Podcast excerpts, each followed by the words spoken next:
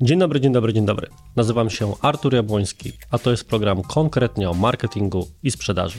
Jestem konsultantem, edukatorem i właścicielem firmy konsultingowej oraz agencji marketingowej Digitalk. Pomagamy firmom sprzedawać więcej, promować się lepiej oraz poukładać swoje organizacje. Programie raz na tydzień dzielę się wiedzą i doświadczeniem na temat prowadzenia i promowania biznesu, zwiększania sprzedaży i skutecznego marketingu, bazując na przykładach z własnej codziennej pracy, projektach mojego zespołu, a czasami również zaproszonych gości. Jeżeli chcesz rozwinąć swoją firmę, wdrażając skuteczne i konkretne działania marketingowe i sprzedażowe, ten program jest dla Ciebie. Dzień dobry, dzień dobry, dzień dobry. Witam Cię w kolejnym odcinku mojego programu konkretnie o marketingu i sprzedaży.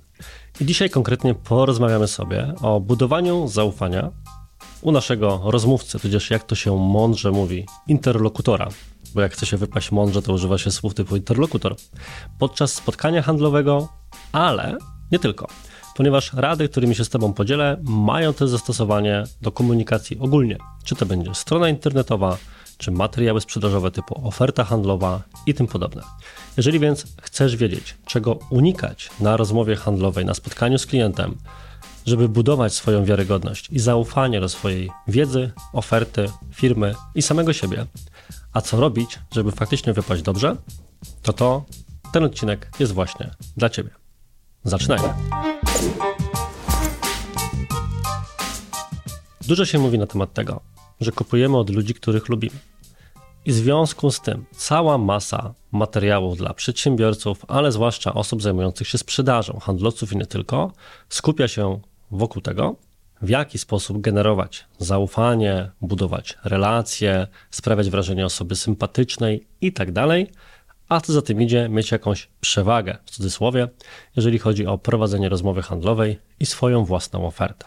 Internet, jak to zwykle bywa, po tym jak wpiszemy sobie hasła typu jak budować zaufanie na rozmowie handlowej, jest pełen poradników i rzeczy, których rzekomo powinniśmy robić. Natomiast ja w tym odcinku chciałbym Cię przestrzec przed słuchaniem co najmniej niektórych z nich, które albo z mojego doświadczenia, albo z rozmów z innymi pracownikami działów sprzedaży, które wielokrotnie i częstokroć odbywam, zwyczajnie nie działają, ale tak jak papier, tak samo i internet przyjmie wszystko. Jakie są więc takie najczęstsze rady na temat budowania zaufania podczas rozmowy handlowej, które ja uważam za z definicji niesłuszne? Pierwsza to są takie podstawowe rzeczy, które bardzo często są wskazywane jako pierwsze kroki, których należałoby się podjąć na rozmowie. Do czego zmierzam? Dużo się mówi w materiałach dla handlowców, że kiedy wchodzisz na spotkanie albo rozpoczynasz na spotkanie, rozpoczynasz spotkanie, to znajdź jakiś taki punkt, który łączy cię ze sobą po drugiej stronie, typu o jaki ładny pan ma krawat, ja też lubię takie krawaty, albo o jakie pan tam ma dyplomy z tyłu, ja też byłem na tej uczelni, czyli szukanie jakichś punktów wspólnych. W teorii Brzmi to nawet dobrze. W sensie, jeżeli czyta się jakieś poradniki o negocjacjach, to takie szukanie części wspólnej jest jedną z najważniejszych elementów. Ale tu nie chodzi o to, czy sama technika jest dobra. Chodzi o to, na co wyczulona jest osoba po drugiej stronie. Bardzo łatwo jest trafić na kogoś, kto ma za sobą dokładnie takie same lektury jak my. A co za tym idzie, będzie w stanie rozpoznać techniki, które próbujemy na nim zastosować. Jeżeli ich nie rozpozna, to być może dostaniemy ten plus jeden punkt za budowanie podobieństwa. Ale jak rozpozna, to będziemy startowali z bardzo głębokiego minusa. Bo to, co zwykle mówię w kontekście komunikacji, czy to jest marketingowa, czy sprzedażowa, każdy chwyt, kiedy staje się widoczny, to przestaje działać. I pół biedy, jeżeli jest to tekst na stronie internetowej, w której ktoś stwierdzi, a, ale to napisali, trochę sztucznie i typowo jak u wszystkich, do czego za chwilę sobie jeszcze przejdziemy. Ale sytuacja ma się dużo gorzej, jeżeli jest to rozmowa twarzą w twarz, tudzież kamerka w kamerkę, jeżeli spotkanie jest zdalne i my próbujemy zastosować taką technikę i ktoś się rozpoznaje.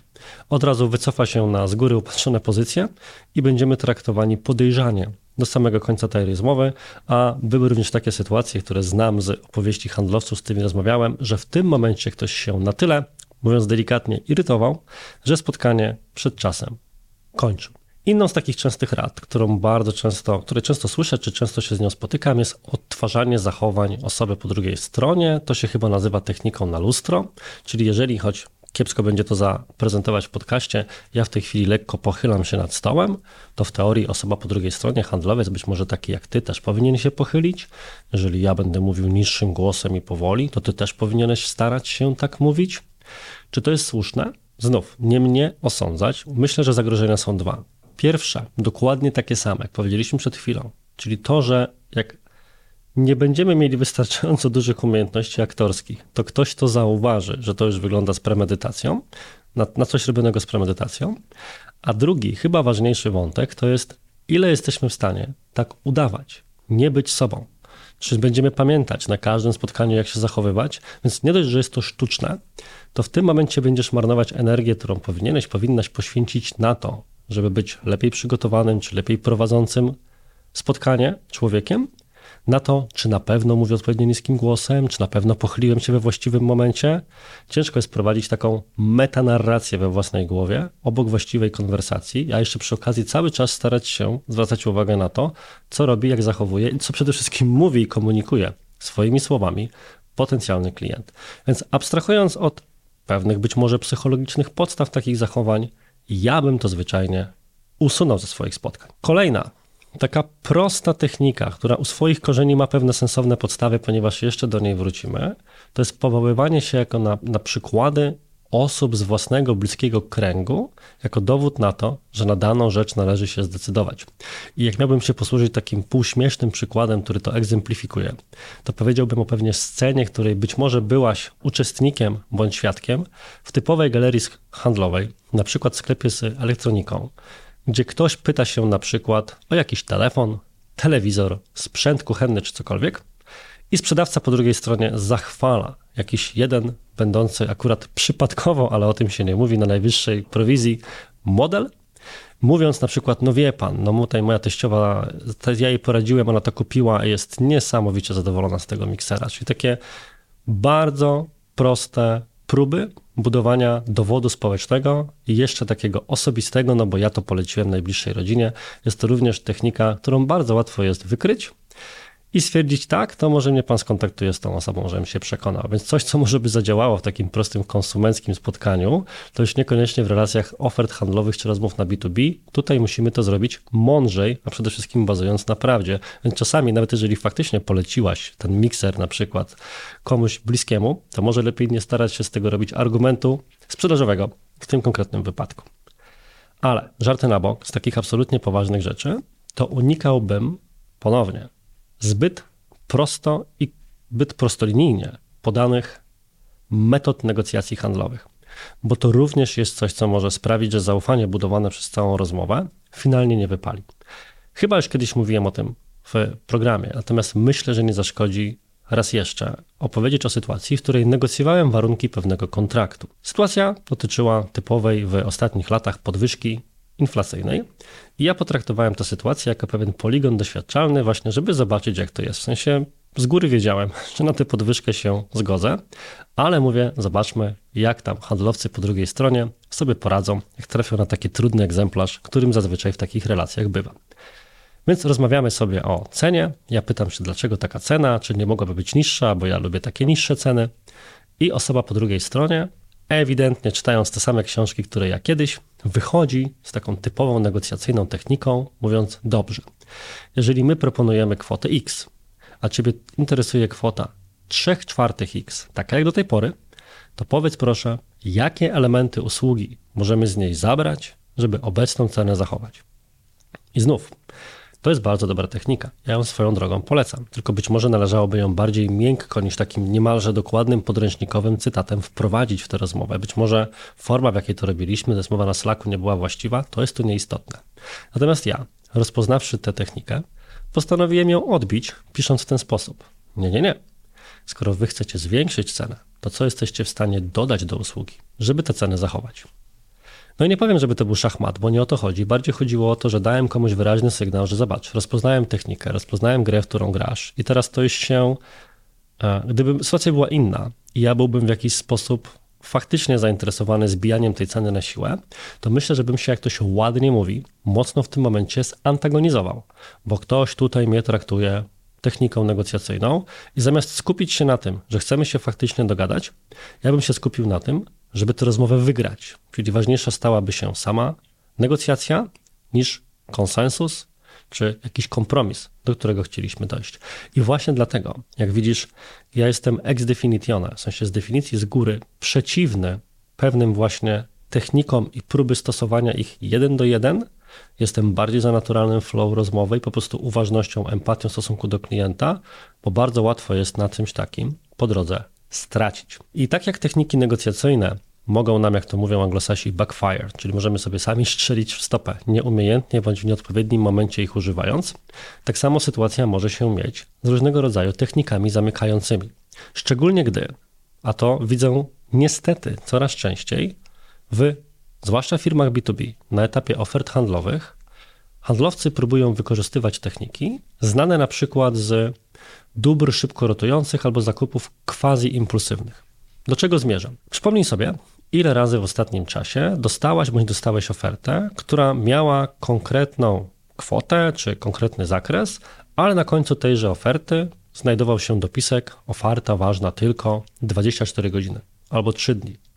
I teraz przypomnij sobie, czy po pierwsze w ogóle się czymś takim przejęłaś bądź przejąłeś i czy jakkolwiek wpłynęło to na Twoją decyzję, albo czy, jeżeli jesteś takim złośliwcem jak ja, próbowałeś bądź próbowałaś tę ofertę przeczekać i zobaczyć, co się stanie. Bo rozumiem, że z perspektywy handlowca jest to bardzo wygodne rozwiązanie, ponieważ ono daje pretekst do kontaktu. Dzwonię do pana, dowiedzieć się jak tam z ofertą, którą wysyłałem, no bo wie pan, za godzinę kończy się czas jej obowiązywania. I tu aż się prosi, żeby w tym momencie stwierdzić, no dobra, to co za tę godzinę? Czy naprawdę, jak ja za tę godzinę, za półtorej godziny zadzwonię, to nagle cena będzie o połowę wyższa? Czy faktycznie mnie pan tak potraktuje?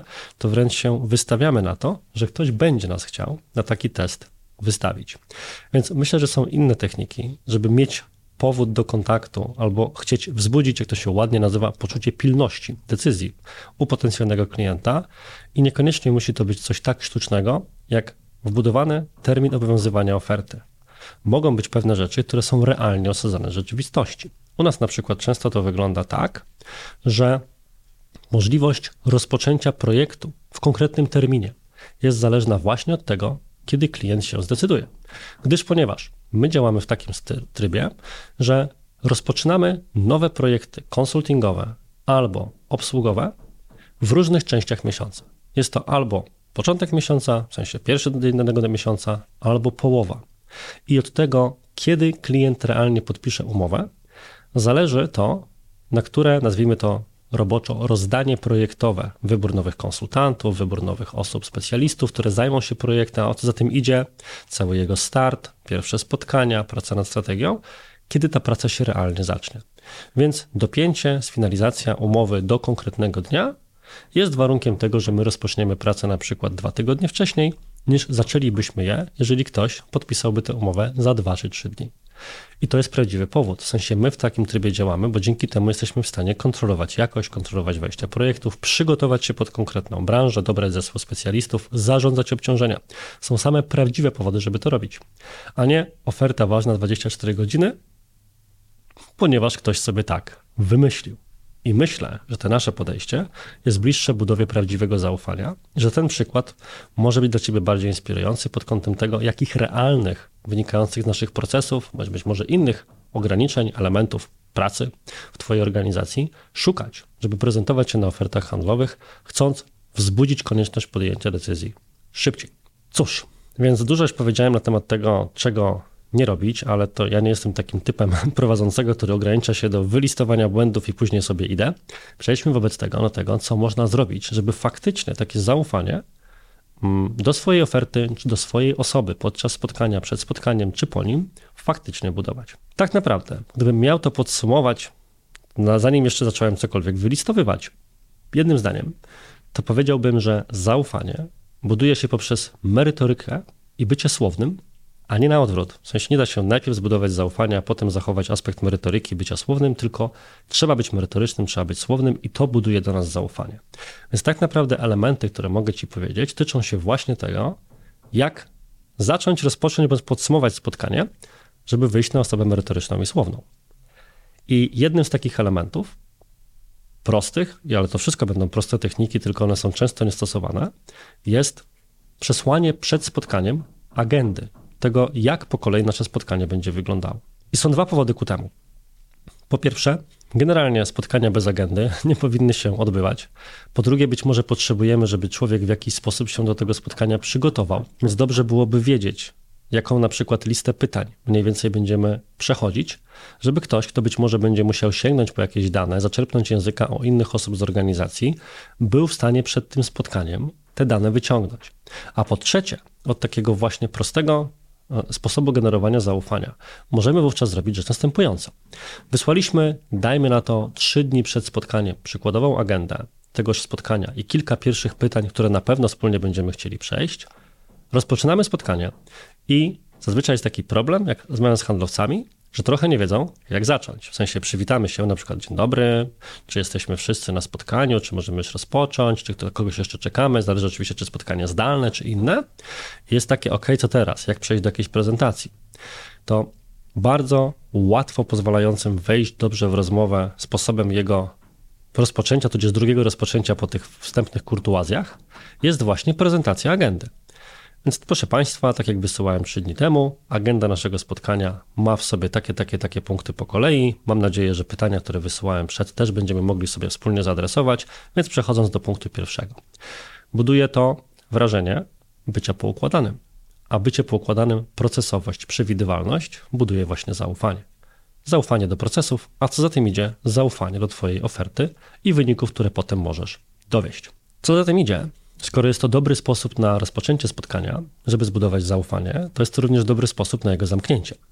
Możemy powiedzieć i zobowiązać się, że to my będziemy osobą, która wyśle podsumowanie spotkania, podać konkretny, konkretną godzinę, konkretny dzień, kiedy je podeślemy i uwaga, zrobić wszystko, żeby tego terminu dotrzymać. Jest to bardzo prosta rzecz, którą możemy wdrożyć. Na przykład obiecuję Państwu, że prześlę podsumowanie spotkania do 12 do jutra. Ponieważ jeżeli tylko wiemy, że możemy to zrobić, no to obiecał i zrobił dobry początek. Natomiast nie zliczę, ile razy miałem właśnie taką sytuację. Podczas rozmów handlowych samemu jeszcze dopinając dla firmy jakieś narzędzia, czy kupując różnego rodzaju usługi, gdzie ktoś po spotkaniu mówi mi, dobrze, to ja przygotuję ofertę, umowę, dokument, jakieś rekomendacje dalsze dla zarządu, zależy od tego, na co się umówiliśmy. I że wyślę to, i po to pierwsze ja się musiałem pytać kiedy, bo ktoś mi sam tego nie podawał, więc troszkę inaczej to powinno wyglądać. Albo właśnie, że wyślę mi jutro, a finalnie musiałem się o to przypominać. Jeżeli już mówimy o budowaniu zaufania, to nie ma nic gorszego niż jeżeli klient miałby się przypomnieć o coś, co my podczas takiej rozmowy bądź przed nią obiecaliśmy się dostarczyć. I tu też prosta rada z mojej perspektywy. Jeżeli umawiasz się na coś, że wyślesz konkretnego dnia, to doprecyzuj jeszcze do jakiej godziny. Bo na przykład, jeżeli ty powiesz klientowi, że wyślesz podsumowanie jutro, to on może oczekiwać albo tak sobie samodzielnie dośpiewać i jest to jego klienckie prawo, że wyślesz to do 12 bo on na przykład stwierdzi, że o 14 już tego potrzebuje, być może będzie tego to procesował i już zacznie się to przypominać. I jasne, ty możesz odpowiedzieć, że miałem na myśli koniec dnia i tak dalej, ale jakkolwiek to dziwnie nie brzmiało, problemu nie było, ale niesmak pozostał. Więc jeżeli ma to być koniec dnia, to też uwaga, co jest dla ciebie końcem dnia. Ktoś kończy pracę o 15, ktoś o 17. Być może wasze organizacje nie mają tu synchronizacji. Więc zawsze najlepiej umówić się na konkretny moment w czasie i jeszcze dostarczyć to przed, jeżeli tylko jest to możliwe. I trochę budując na tym, to co możesz sobie również wdrożyć, to jest takie ładne angielskie sformułowanie under promise, over deliver. Załóżmy więc, że masz agendę spotkania, którą chcesz przejść i zrób sobie jeden tajemniczy punkt, którym klienta zaskoczysz. My nazywamy sobie to w organizacji polityką quick winów. Czyli na przykład, jeżeli przygotowujesz ofertę dla klienta, to być może jesteś w stanie podczas takich przygotowań zauważyć jeszcze jedną rzecz, której on potrzebuje. My na przykład robimy coś takiego, że jeżeli ktoś pracuje z przygotowuje ofertę dla sklepu internetowego i potem będzie ją omawiał, to przy okazji przygląda się na przykład też procesowi. Sprawdzi, czy na przykład wszystkie kody śledzące się dobrze wywołują, e, czy proces zakupowy jest w miarę znośny, czy nie ma jakichś błędów technicznych, które akurat zauważył chodząc po tym sklepie. Bo wówczas na takim spotkaniu możesz powiedzieć, a przy okazji, proszę Państwa, sprawdziłem to i to i to i tamto. Bawiąc się na przykład, czy szykując się do spotkań na temat e, rozmowy o konsultacjach marketingowych sprzedażowych, ja często sam na przykład też zanim pojawię się na spotkaniu, lubię przetestować proces sprzedażowy konkretnej firmy. Więc skoro wiem, że będziemy rozmawiali właśnie o generowaniu leadów czy o strategii marketingowej, to wysyłam zapytania i patrzę, kto w jaki sposób i po jakim czasie mi odpisze. Więc mimo, że spotkanie ma konkretną tematykę typu omówienie jak będą wyglądały nasze konsultacje, na które się umawiamy na jakiś projekt, to ja od razu jestem gotowy na tym spotkaniu, żeby powiedzieć, a zobaczcie Państwo, ja już przed tym spotkaniem przetestowałem to i tamto. Czyli takie nadprzygotowanie, bo chyba tak byśmy mogli over delivery starać się um, przetłumaczyć w jakiś koślawy sposób, też robi dobre wrażenie, buduje, buduje poczucie merytoryki i tego, że ktoś jest zaangażowany, a to wszystko składa się potem właśnie na zaufanie. Pomyśl, czy jesteś w stanie coś takiego zainkorporować również do swoich procesów i wdrożyć do jakichś elementów gdzieś po drugiej stronie. A skoro przy procesach jesteśmy, kolejnym elementem, który buduje zaufanie, jest prezentowanie harmonogramu projektu, co się zadzieje po naszym spotkaniu. Zawsze, kiedy prowadzę konsultacje, zadaję ludziom proste pytanie. Jeżeli ja w tej chwili wyślę zapytanie do Was, na przykład wypełnię formularz na stronie, to co się stanie? I jakkolwiek to pytanie wydawałoby się banalne, to ono czasami prowadzi do takiego wniosku, że po pierwsze, albo kurczę, nie wiem, bo dawno tego nie sprawdzałem, może tam są jakieś błędy, czasami są, albo mm, no, po prostu dostaniemy to zapytanie i się nim zajmiemy. I ja wtedy jestem w stanie generować szereg pytań. No dobra, ale kiedy? Jak szybko klient dostanie odpowiedź? Czy klient, który wypełnił formularz, poza faktem, że przyszedł do niego jakiś komunikat systemowy na stronie, ma również od ciebie na przykład maila, wysłanego nawet automatycznie, ale hej, to zapytanie do nas doszło, teraz zespół się nim zajmuje i wrócimy do ciebie wkrótce, doprecyzowawszy, czym jest wkrótce, na przykład za dwie godziny, następnego dnia i tak dalej, i tak dalej. I podobnie jest z spotkaniem. Jeżeli mamy spotkanie jako spotkanie handlowe i je podsumowujemy, to dobrze byłoby przedstawić, jakie będą kolejne kroki po naszym spotkaniu, a jeszcze lepiej na takim spotkaniu jest wówczas przedstawić, jak wygląda, wyglądają pierwsze kroki po rozpoczęciu projektu. My na przykład prezentujemy, jak wygląda pierwszy miesiąc współpracy. Dzięki czemu ponownie pokazujemy, że jest to ułożone, dzięki czemu staje się to dla klienta przewidywalne i jest poukładane, a co za tym idzie, budzi to zaufanie do procesu, więc również do efektu tegoż procesu, bo można powiedzieć, kurde, mają to rozkminione i przemyślane. Pytania, które przychodzą mi do głowy, są na bieżąco adresowane. Jednym z takich pytań, które może się w tym momencie rodzić w głowie, to jest ok, w jaki sposób zrobić to w sposób, żeby to wypadło w miarę naturalnie, bo zauważyłem, że wielu handlowców, nie biznes menadżerów, jak zwał, tak zwał, ma taki problem z bardzo ustrukturyzowaną rozmową, jeżeli chodzi o przechodzenie do od punktu do punktu, bo wtedy się nie czują jak podczas w miarę swobodnej rozmowy, w której o, oni budują relacje, są właśnie tacy relacyjni i tak dalej, tylko trochę się czują w zrobotyzowany sposób, jak taki AI będący handlowcem, przechodzący od punktu do punktu. I takim osobom ja bardzo gorąco polecam obśmiewanie konwencji. Jeżeli słuchasz mojego programu e, wystarczająco długo, albo gdzieś tam śledzisz w różnych miejscach moje treści, to wiesz, że ja jestem wielkim fanem w cudzysłowie wyłapywania różnego rodzaju powtarzalnych konwencji. Żebyśmy się dobrze zrozumieli, jeżeli w ogłoszeniu o pracę jest o owocowych czwartkach, to jest to już pewien rodzaj konwencji. Wszyscy tak piszą. Albo jeżeli zaczyna się ono w związku z dynamicznym rozwojem, poszukujemy osób, ble, ble, ble. Czyli my wiemy, że tak wygląda konwencja ogłoszenia o pracę i wszyscy tak piszą. Podobnie jak wiemy, że wiele tekstów o firmie zaczyna się z rzeczami typu mamy 20 lat doświadczenia, powtarzalne i trochę już śmieszne rzeczy, których nau nauczyliśmy się wykrywać. I często dobrym trikiem marketingowym jest obśmiewanie tego. Sami umieszczając ogłoszenia o pracę, czasami piszemy właśnie w związku z dynamicznym rozwojem, bla, bla, bla, dobra, tak się nie pisze, a tak naprawdę szukamy fajnych ludzi do zespołu i tak dalej. Oczywiście jest to zawsze mocno zależne od tego, jak marka się komunikuje, czy może sobie na to pozwolić, ale są również delikatniejsze sposoby na obśmiewanie konwencji. I w kontekście tego typu spotkania nic nie stoi na przeszkodzie, żeby rozpoczynać przejście między segmentami w sposób typu, no i wiedzą Państwo. I to jest ten moment na spotkaniu, gdzie wypadałoby przedstawić komuś, jakie będą kolejne kroki, no bo tego przeważnie ludzie oczekują. No i skoro się tak robi, to tak zróbmy. Pamiętajmy, że my możemy wskazać rzecz, która jest konwencjonalna, pokazując przy okazji właśnie tą jej przewidywalność, powtarzalność. W ten sposób jest to w miarę lekko wprowadzone, po czym i tak do niej przechodzimy i ją robimy.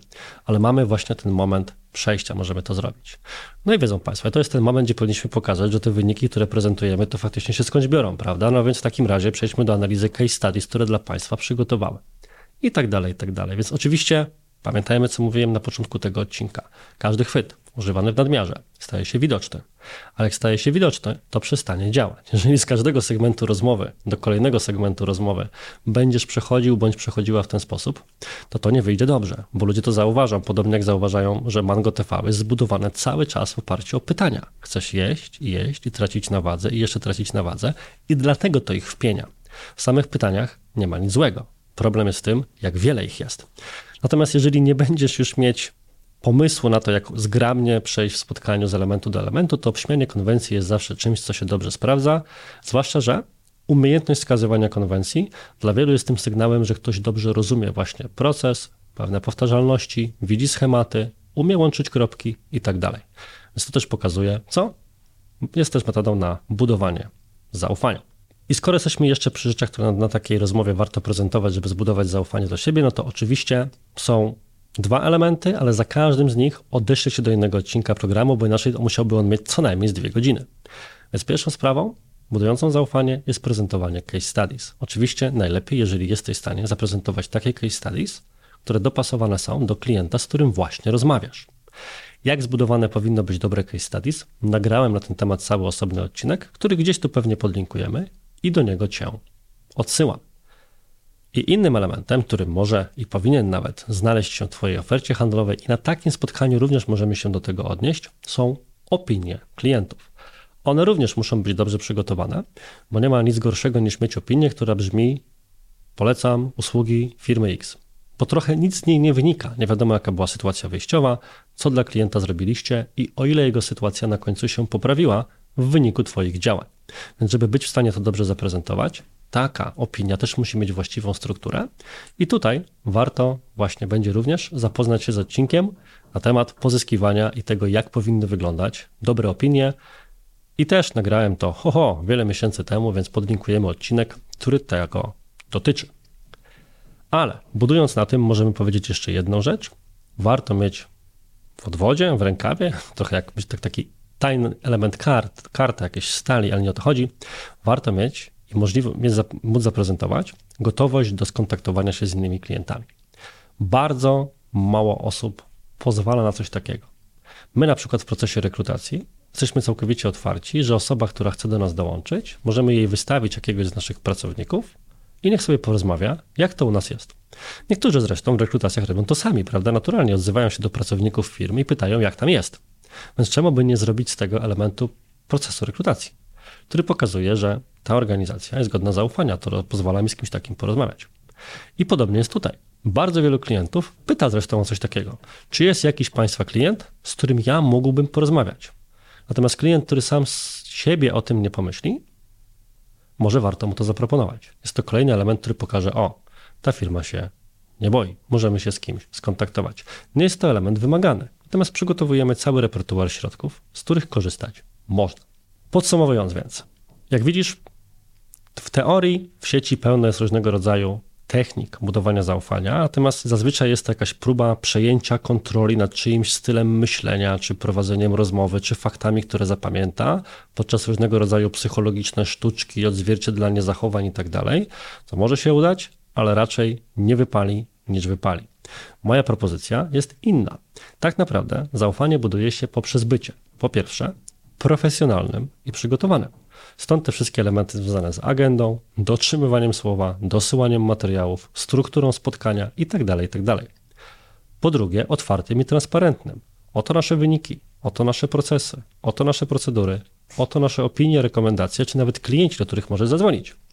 I po trzecie, konkretnym i operującym danymi oraz przykładami, co wiąże się z tymi wszystkimi rzeczami, które powiedziałem wcześniej. Innej, sensownej drogi w mojej opinii nie ma. Jeżeli masz na ten temat inne zdanie, bardzo chętnie je poznam. Zostaw komentarz tutaj na Spotify, na YouTubie, wszędzie już de facto można, więc ja się chętnie dowiem, co ty na ten temat uważasz. A tymczasem, jeżeli jest to na przykład pierwszy odcinek tego programu, na który trafiłeś bądź trafiłaś, albo generalnie nie subskrybujesz jeszcze mnie na Spotify, Apple Podcast czy na YouTubie, to to jest ten moment, żeby to zrobić. Algorytmy to lubią, mnie to bardzo pomoże, więc rzuć wszystko, co robisz, chyba że siedzisz w tej chwili w samochodzie, więc wtedy tego nie rób. I kliknij te wszystkie odpowiednie przyciski, które pozwalają być na bieżąco z tymi odcinkami. Dzięki temu dowiesz się, kiedy wyjdą nowe. Ale dziś to wszystko. Bardzo dziękuję Ci za uwagę. Do zobaczenia bądź usłyszenia w przyszłym tygodniu i cześć.